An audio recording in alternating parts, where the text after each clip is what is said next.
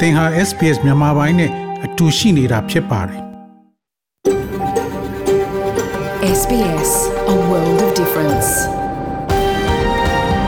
You're with SBS Burmese on mobile, online and on radio.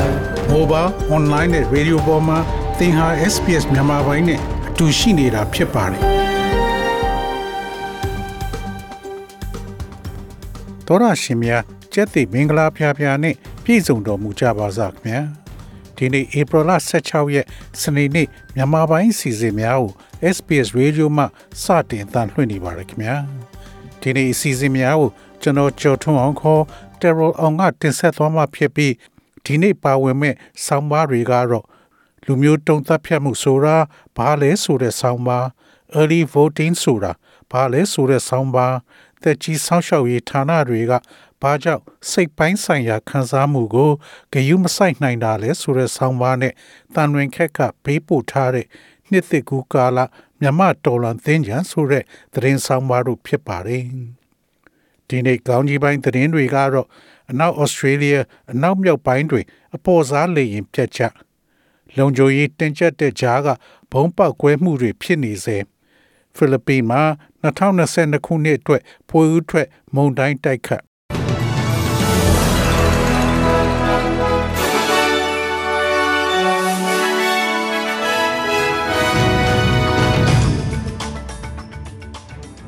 ယခုချိန်ကစပြီးသတင်းများကိုကျွန်တော်ကြော်ထုံးအောင်ကစတင်ဖတ်ကြားပါတော့မယ်။အနောက်ဩစတြေးလျအနောက်မြောက်ပိုင်းမှာအပေါ်စားလေရင်ပြတ်ချ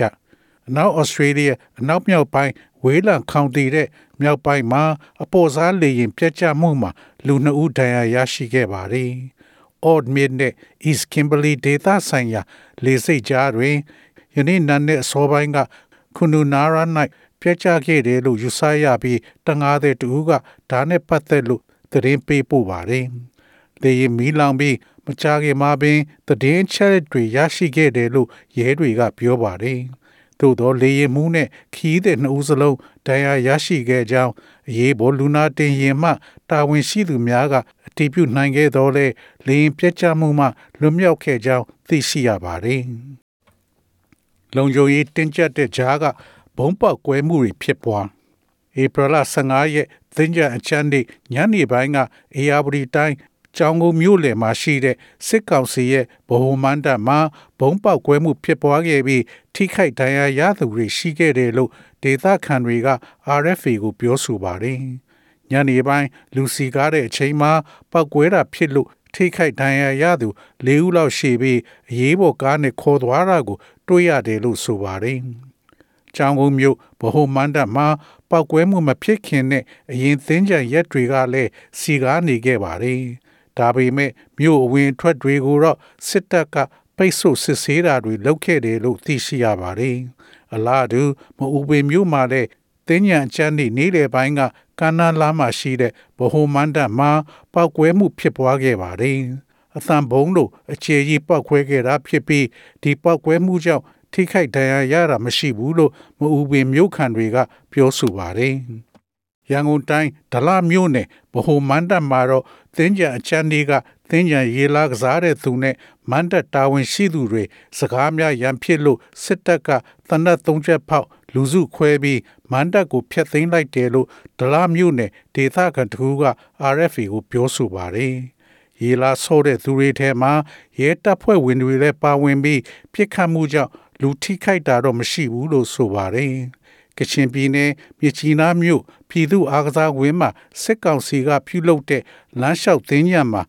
ဧပြီလ15ရက်ညနေပိုင်းကတနက်ပစ်ဖောက်တာတွေရှိခဲ့ပါတယ်။ဘယ်အဖွဲ့အစည်းကဘာကြောင့်ပြစ်ခတ်တယ်ဆိုတာမသိရသေးပေမဲ့ကားပေါ်ကနေဆင်းလာပြီးပြစ်ခတ်ခဲ့တာလို့မျက်မြင်တွေ့ခဲ့သူတဦးကပြောကြောင်း The 74 Media မှာဖော်ပြထားပါတယ်။လမ်းလျှောက်တင်ကြမ်းဖွင့်ပွဲ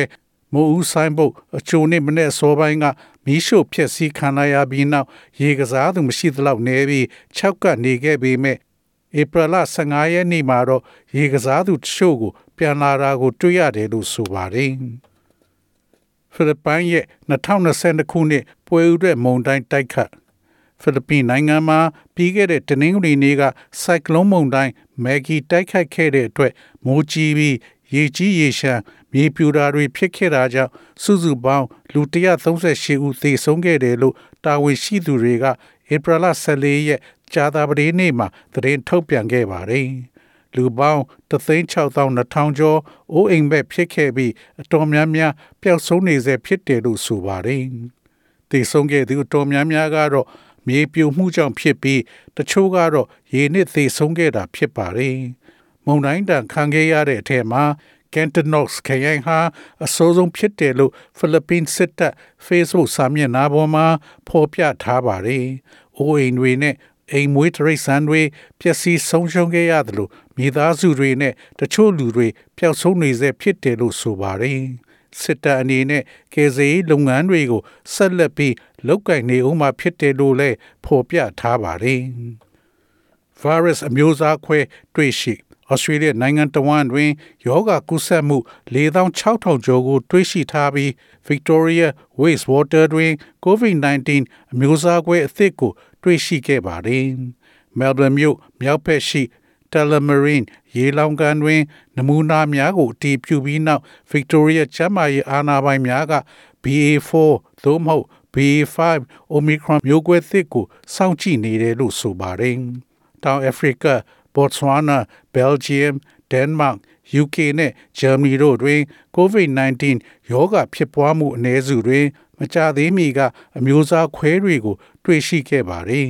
။ Omicron strain အသစ်ထက်ပိုကြီးဆိုးသော BA2 မျိုးစိတ်ကြားတွင်လက်ရှိတွင်သီးသထင်ရှားသော ကူးစက်ရောဂါဆိုင်ရာကွာခြားချက်မရှိကြောင်းကမ္ဘာ့ကျန်းမာရေးအဖွဲ့မှ ပြောကြားပါတယ်။ Labour Party က National Anti-Corruption Commission ဖွဲ့မယ်လို့ကြေပေး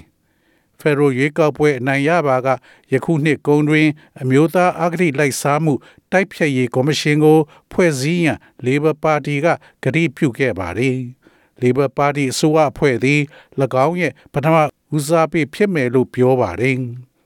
Federal တမာရီစောင့်ချက်ရေးအဖွဲ့ Federal Integrity Watchdog ကို 2019ခုနှစ်ရွေးကောက်ပွဲမှာဝန်ကြီးချုပ် Scott Morrison ကပြုလုပ်ပေးမယ်လို့ကတိပြုထားတော်လဲ၎င်းဆိုရသည်ယခုချိန်ထိလှုပ်ဆောင်ပေးခြင်းမရှိသေးပါဘူး။ Mr. Morrison ကဒီ model ကိုကြဲကြဲပြန့်ပြန့်ဝေဖန်နေတော်လဲအစိုးရရဲ့ဥပဒေများကိုမထောက်ခံတဲ့အတွက် Labor အားအပြစ်တင်နေပါတယ်။ Cruise ဒုံးကျည်တပ်ရုရှားသင်္ဘောကြီးတစ်စင်းပျက်စီးနစ်မြုပ် ပင်လယ်နက်ထဲက cruise missile ဒုံးကျည်တပ်ထားတဲ့ရုရှားမော်စကပ်စစ်သင်္ဘောပျက်စီးနစ်မြုပ်သွားတာဟာရုရှားအတွက်အကြီးအကျယ်အထိနာဆုံးရှုံးမဲ့လက္ခဏာတရဖြစ်တယ်လို့ပြောဆိုနေကြပါတယ်။မိလောင်ပျက်စီးသွားတဲ့မော်စကပ်စစ်သင်္ဘောကိုစိတ်ကမ်းကိုပြန်ဆွဲတဲ့အချိန်ပင်လယ်ထဲမှာနစ်မြုပ်သွားခဲ့ပါတယ်။ယူကရိန်းစစ်ပွဲအစမှာမွေကျွန်းပေါ်ကခုခံနေကြတဲ့ယူကရိန်းစစ်သားတွေကို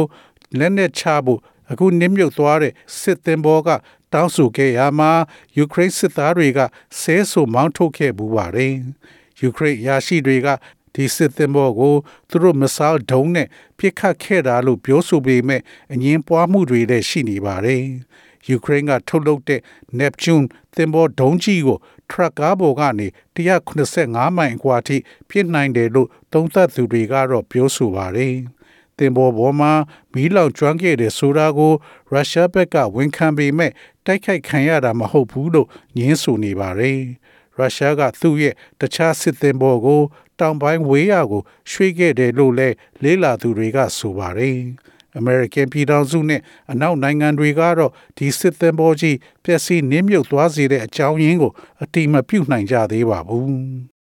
။ Ukraine သမ္မတ ဗလော်ဒီမာဇယ်လန်စကီကတော့ရုရှားကိုကြမ်းကြမ်းခံနေတဲ့တွန်းလှန်စစ်ကိုချီကျူးပြောဆိုပြီးယူကရိန်းပြည်သူတွေဟာအခုလိုပြန်တိုက်ဖို့သူတို့ဘဝမှာအရေးကြီးဆုံးဆုံးဖြတ်ချက်တရက်ကိုချခဲ့တာဖြစ်တယ်လို့ပြောဆိုပါတယ်။ရုရှားကျူးကျော်မှုကိုရပ်ပေါင်း90ခုခံတိုက်ခိုက်နိုင်ခဲ့တာကိုယူကရိန်းပြည်သူတွေ ဂုဏ်ယူသင့်ကြတယ်လို့သမ္မတဇယ်လန်စကီကသူ့ရဲ့ညစဉ်အသံလွှင့်အစီအစဉ်မှာပြောဆိုသွားပါတယ်။ SBS SBS SBS SBS SBS This is SBS Radio. ငွေလဲနှုန်းမှာတော့ Australian dollar ကိုမြန်မာကျပ်ငွေ1380ကျပ်ရရှိပြီး American Dollar ကိုမြန်မာကျပ်ငွေ1852ကျပ်ရရှိပါတယ်။ Australian Dollar ဟာ American 83စက်နဲ့ညီမျှပါတယ်။မနေ့ဖြန် Australia တိုက်မှာရှိတဲ့မြို့ကြီးများရဲ့မိုးလေဝသခန့်မှန်းချက်ကတော့ဆစ်ဒနီမြို့မှာအပူချိန်24 degree centigrade ရှိမှဖြစ်ပြီးမိုးတိမ်သားများရှိမှဖြစ်ပါတယ်။ Melbourne မြို့မှာအပူချိန်28 degree centigrade ရှိမှဖြစ်ပြီးများသောအားဖြင့်နေသားမှာဖြစ်ပါတယ်။ Brisbane မြို့မှာအပူချိန်26 degree centigrade ရှိမှဖြစ်ပြီးမိုးတိမ်သားများအနည်းငယ်ရှိမှဖြစ်ပါတယ်။ Perth မြို့မှာအပူချိန်24 degree centigrade ရှိမှဖြစ်ပြီးမိုးတိမ်သားများအနည်းငယ်ရှိမှဖြစ်ပါတယ်။ Adelaide မြို့မှာအပူချိန်25 degree centigrade ရှိမှဖြစ်ပြီးနေ့လယ်ပိုင်းမှာမိုးတစ်ဖြောက်နှစ်ဖြောက်ရွာသွန်းနိုင်ပါတယ်။ Hobart မြို့မှာအပူချိန်26 degree centigrade ရှိမှဖြစ်ပြီးညနေပိုင်းမှာမိုးတစ်ဖြောက်နှစ်ဖြောက်ရွာသွန်းနိုင်ပါတယ်။ Canberra မြို့မှာနံနက်ပိုင်းမြူနှင်းများရှိမှဖြစ်ပြီးနေသားမှာဖြစ်ပါတယ်။ဒါဝင်မြို့မှာအပူချိန်34 degree centigrade ရှိမှဖြစ်ပြီးနေသားမှာဖြစ်ပါတယ်။ဤတွင်သတင်းများကိုကြီးညာလို့ပြီးပါပြီခင်ဗျာ။။